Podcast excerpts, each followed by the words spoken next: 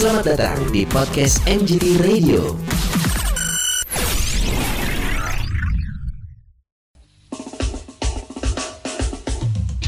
Seratus satu satu MJD Radio hanya memainkan lagu terbaik, gengs. Kita masih barengan sama Ziva Magnolia.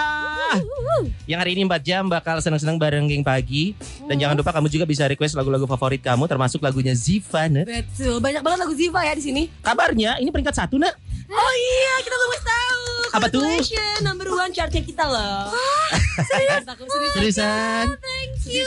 Dan langsung sesi berikutnya kita akan mengundang Bapak Lurah setempat untuk menyerahkan piala penghargaan. Oh my god, jangan. tolong Kami persilakan. mau piala. Iya, ada Bapak Suparno namanya. Bapak Suparno, betul dari Lurah setempat akan menyerahkan piagam nanti ya. Gitu. Selesai siaran. Si cantik mungil, bersuara indah. Amin. Aduh ketawanya juga merdu ya, Naya. Iya. Kalau kita ketawa nggak merdu ya? Apa ya? Merdu, Lebih, enak kok didengar. iya kita memang terkenal sih di kalangan keluarga kita sendiri.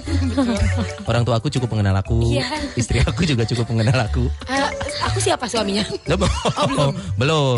Kamu masih dikenal sama orang tua kamu. Nah. Betul, betul, betul. Nah, kita pengen ngobrolin tentang sosok artis juga yang lagi keliling Indonesia. Siapa? Ada kok. Kok. Kocak ya. Band band apa yang nggak lingkaran?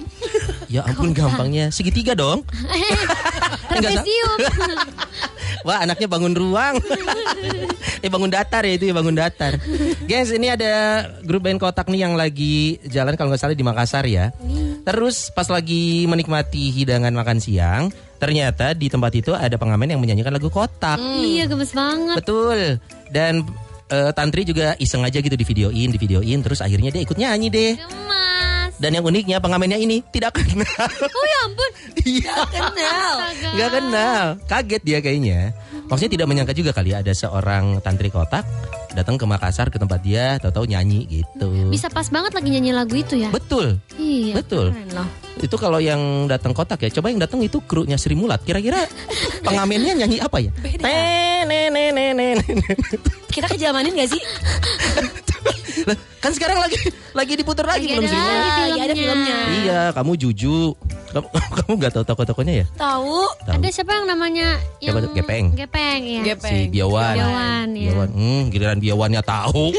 Aku tahu gepengnya doang. Eh, Gepeng. Ada Asmuni, Ya. Polo. Aku tahu Tarsan. Aku juga tahu. Tarsan. Heeh. Awas, awas. Mau ngomong gitu kan lo, awas lo.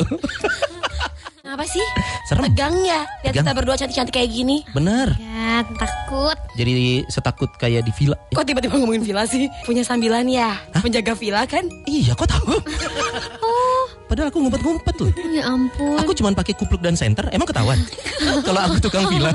Pila, pila, pila. Jadi ngomongin villa nih ya. Topik kita hari ini, gengs. Kamu pernah punya pengalaman serem di villa nggak? Aku pernah nyewa villa di kawasan Bandung Utara. Mm-mm. Seremnya itu ya, pas bayar. Oh, mahal. Aduh, bener lagi. Eh, aduh bener lagi. Serem loh itu. Kadang-kadang suka kaget aja gitu. Kaget, Kita kan? udah seru-seruan. Tiba-tiba Betul. pas bayar. Over budget. Aduh, tolong. Ternyata biaya ini ditagihkan. Serem loh. Iya ya. Perasaan aku cuman barbeque sama kambing guling. Kok ditagihkan?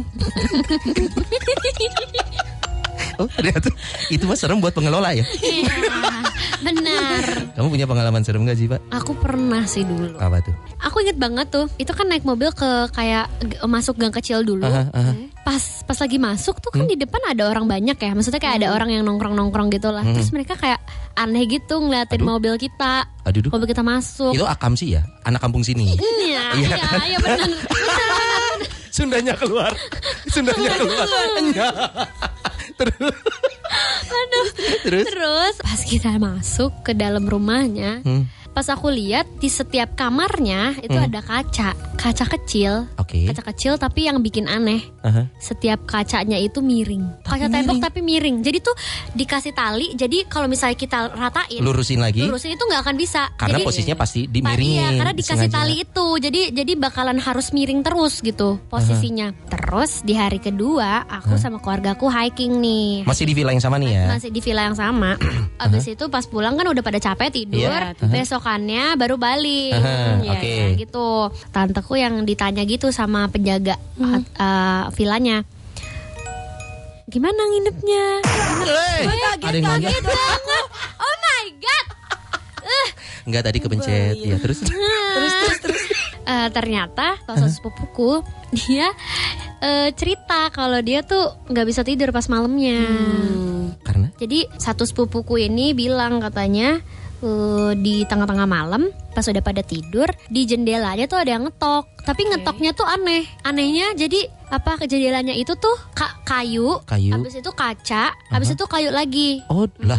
Jadi- sisi dalamnya kayu, di tengahnya kaca, sisi luarnya kayu. Iya, Waduh. kayak gitu. Jadi kaca tuh di tengah-tengah, Aha. tapi yang diketok kacanya. Lah. Makanya maksudnya kan padahal ketutup gitu, tapi yang keketok itu kacanya. Ternyata eh, kakek aku juga pas lagi tidur bilang kalau bantalnya itu tiba-tiba Ada yang narik. bau-bau busuk gitu kak. Bantalnya. Bantalnya terus makanya dibalik kita semuanya nanya kenapa sih eh, apa namanya eh, villa ini nih kok kayaknya Ada yang aneh. iya ganjel banget sih Aha. gitu. Terus ternyata Hah? tempat itu Aha. pernah ada kejadian yang mengerikan, pernah terjadi Pembunuhan. pembunuhan. Oh, terus. Pembunuhannya di kamar anak-anak itu. Walah. Iya, jadinya kayak ya udah. Tapi minimal kita tahu mungkin waktu kakeknya itu kenapa bau busuk. Itu Jadi nggak serem ya. Nyawu. ngau.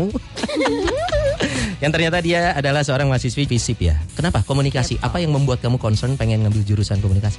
Karena aku rasa eh, kan aku emang dari kecil banget itu pengen jadi penyanyi atau entertainer lah. ya. Hmm. Oke. Nah dan menurut aku eh, ilmu komunikasi ini cukup mendukung untuk aku bisa lebih berkembang aja di bidang yang aku inginkan gitu. Kamu memang pengen punya profesi dari disiplin ilmu kamu sekarang nggak? Mungkin iya sih kalau misalnya nggak jadi penyanyi profesional gitu, mungkin aku akan ada di belakang layar. Hmm, jangan penyiar ya please. Mau sih sebenarnya ya penyiar.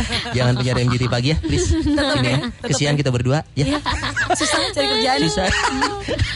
Saya kalau buat kita berdua belajar nyanyi terlambat ya, Nek? Iya terlambat. Ya. Zita kamu dari umur 4 tahun kan? Tiga Eh, sebenarnya. Tiga. Mm-mm. Sebenarnya bukan belajar nyanyi sih, suka nyanyi. Itu Suka dari nyanyi. umur 2 tahun, 3 tahun. Terus pas belajarnya baru pas kelas 5 SD.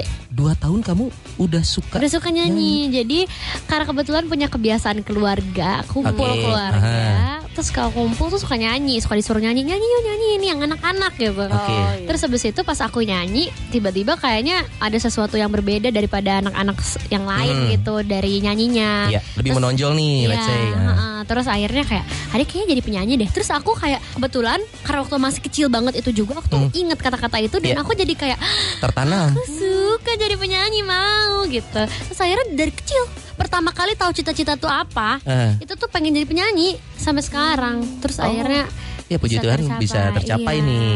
Tapi memang kamu juga di saat yang sama sudah punya skillnya. Dipertajam lagi nggak dengan kursus sekolah musik gitu? Iya, jadi ini agak random ya. Hmm? Sebelum aku belajar nyanyi, Hmm. aku sempet tekunin juga main bulu Debus, tangkis. debus. Bukan. debus. Kirain debus. Apa, bulu tangkis. Bulu tangkis. Jadi Bulu aku tangkis? iya, jadi aku juga pengen jadi pemain bulu tangkis, tapi aku ternyata pas udah latihan latihan latihan capek kayak fisiknya dibanding teman-teman aku tuh kayaknya kurang dan Hmm. akhirnya yaudah deh kayaknya aku emang bener-bener pengen jadi penyanyi deh terus akhirnya baru deh setelah itu aku tes nyanyi supaya bisa dapat uh, link Oke. gitu-gitu Iya, iya. sih Oh, gitu ne. Tuh, bapak kan pengen jadi penyanyi kan? Pengen, pengen. Oh. Makanya dari sekarang aku menggeluti dunia fotografi. oh ya ampun beda eh tapi nggak nyangka loh, kamu ternyata dulu punya keinginan penyanyi di saat yang sama bulu tangkis, Iya. tapi akhirnya ketemu lah, ah kayaknya gua nih di di musik Nyanyi, nih. uh-uh. Bahkan sampai kamu juga bisa main gitar sebenarnya. ya bisa Gitar akustik, aku sih. kebanyakan ukulele. Eh, ukulele aku malah nggak terlalu bisa, Oh, tapi gitu. gitar Gitar listrik main juga nggak? main Git- ada di rumah. Gitaris favorit siapa? Gitaris favorit sebenarnya nggak tahu, tapi aku suka banget sih kalau ngedengerin John Mayer main gitar. Ah bener. Doain ya tahun depan jadi John Letnan. Ah, dia masih mayor tahun ini. Betul. Astaga. Tahun depan akan jadi letnan Kok kabarnya. bisa sih kepikiran gitu keren banget. Iya kan dia di militer sebenarnya. Dia ini cuman sampingan lah musisinya. Pengen mukul deh.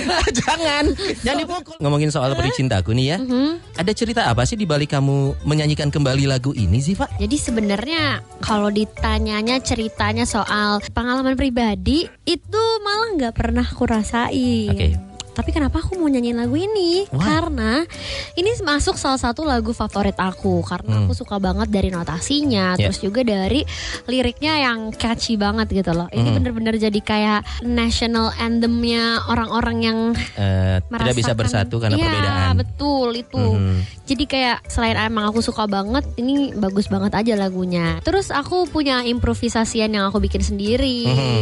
gitu dan ternyata dapat banyak banget respon positif dari orang-orang sampai akhirnya nyampe deh tuh Oke. ke Mas Yofinya yang punya lagu. Oh. Karena waktu itu juga eh, di pas top 3 di Hmm. top 3 itu tuh kita ditemuin sama Mas Yofi. Iya. Pas ditemuin jadinya kan kenal. Aha. Terus akhirnya pas beberapa lama setelah itu Mas Yofi eh, telepon aku, Ziva Hmm. yuk kita bikin yuk Peri Cintaku yuk, kita versi kamu. Oh.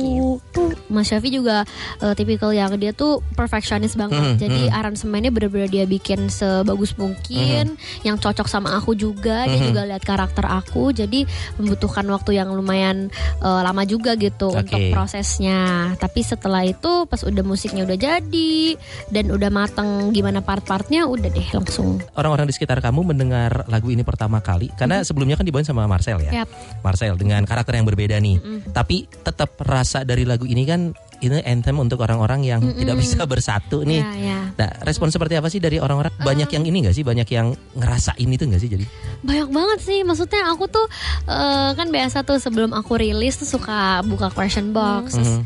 kisah cinta kalian tuh gimana sih? Padahal cuma nanya gitu doang, tapi banyak yang bilang aku beda agama, Mhm. aku. Tapi kadang-kadang ada juga yang sebenarnya bukan beda agama sih, lebih ke kayak beda perasaan. Dianya suka, yang dia suka nggak suka balik. Oh, beda Gitu. keyakinan. Beda keyakinan. Betul. Aku yakin kamu enggak. Nah, Bener. itu, Tapi makanya. tidak ada yang semiris aku sih ya. Aku pernah ngalamin beda beda spesies. Ya ampun. Ya ampun loh. Yes, Next Project. Kamu adalah seorang penggemar dari Rizky Febian juga. Ya. Dan kemarin juga sempet nyanyi barengan sama siapa? Jimmy Passion ya? Iya. Wow, it's a wow. Kamu punya harapan pengen duet sama siapa lagi sih? Hmm, kalau duet ya. Hmm. Eh, siapa ya kalau misalnya Hmm. untuk duet mungkin eh, yang belum kesampaian Mhm. itu duet sama Isyana mungkin. Isyana, Oke, aku doakan. kita doakan ya, semoga, Amin, semoga. amin. Kalau musisi luar negeri lagi dong. Oke, luar negeri aku sih pengen banget eh, Jeff Bernard atau eh, Tori Kelly.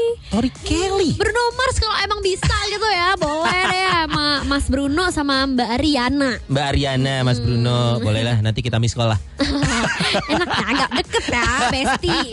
Ziva kalau pengen cari tahu informasi tentang kamu nih bisa visit ke mana nih? Ada website atau mungkin sosial media kamu? Oke, sosial media aku sih Ya. kalian bisa uh, cek aja di Instagram Ziva Magnolia, Twitter juga Ziva Magnolia.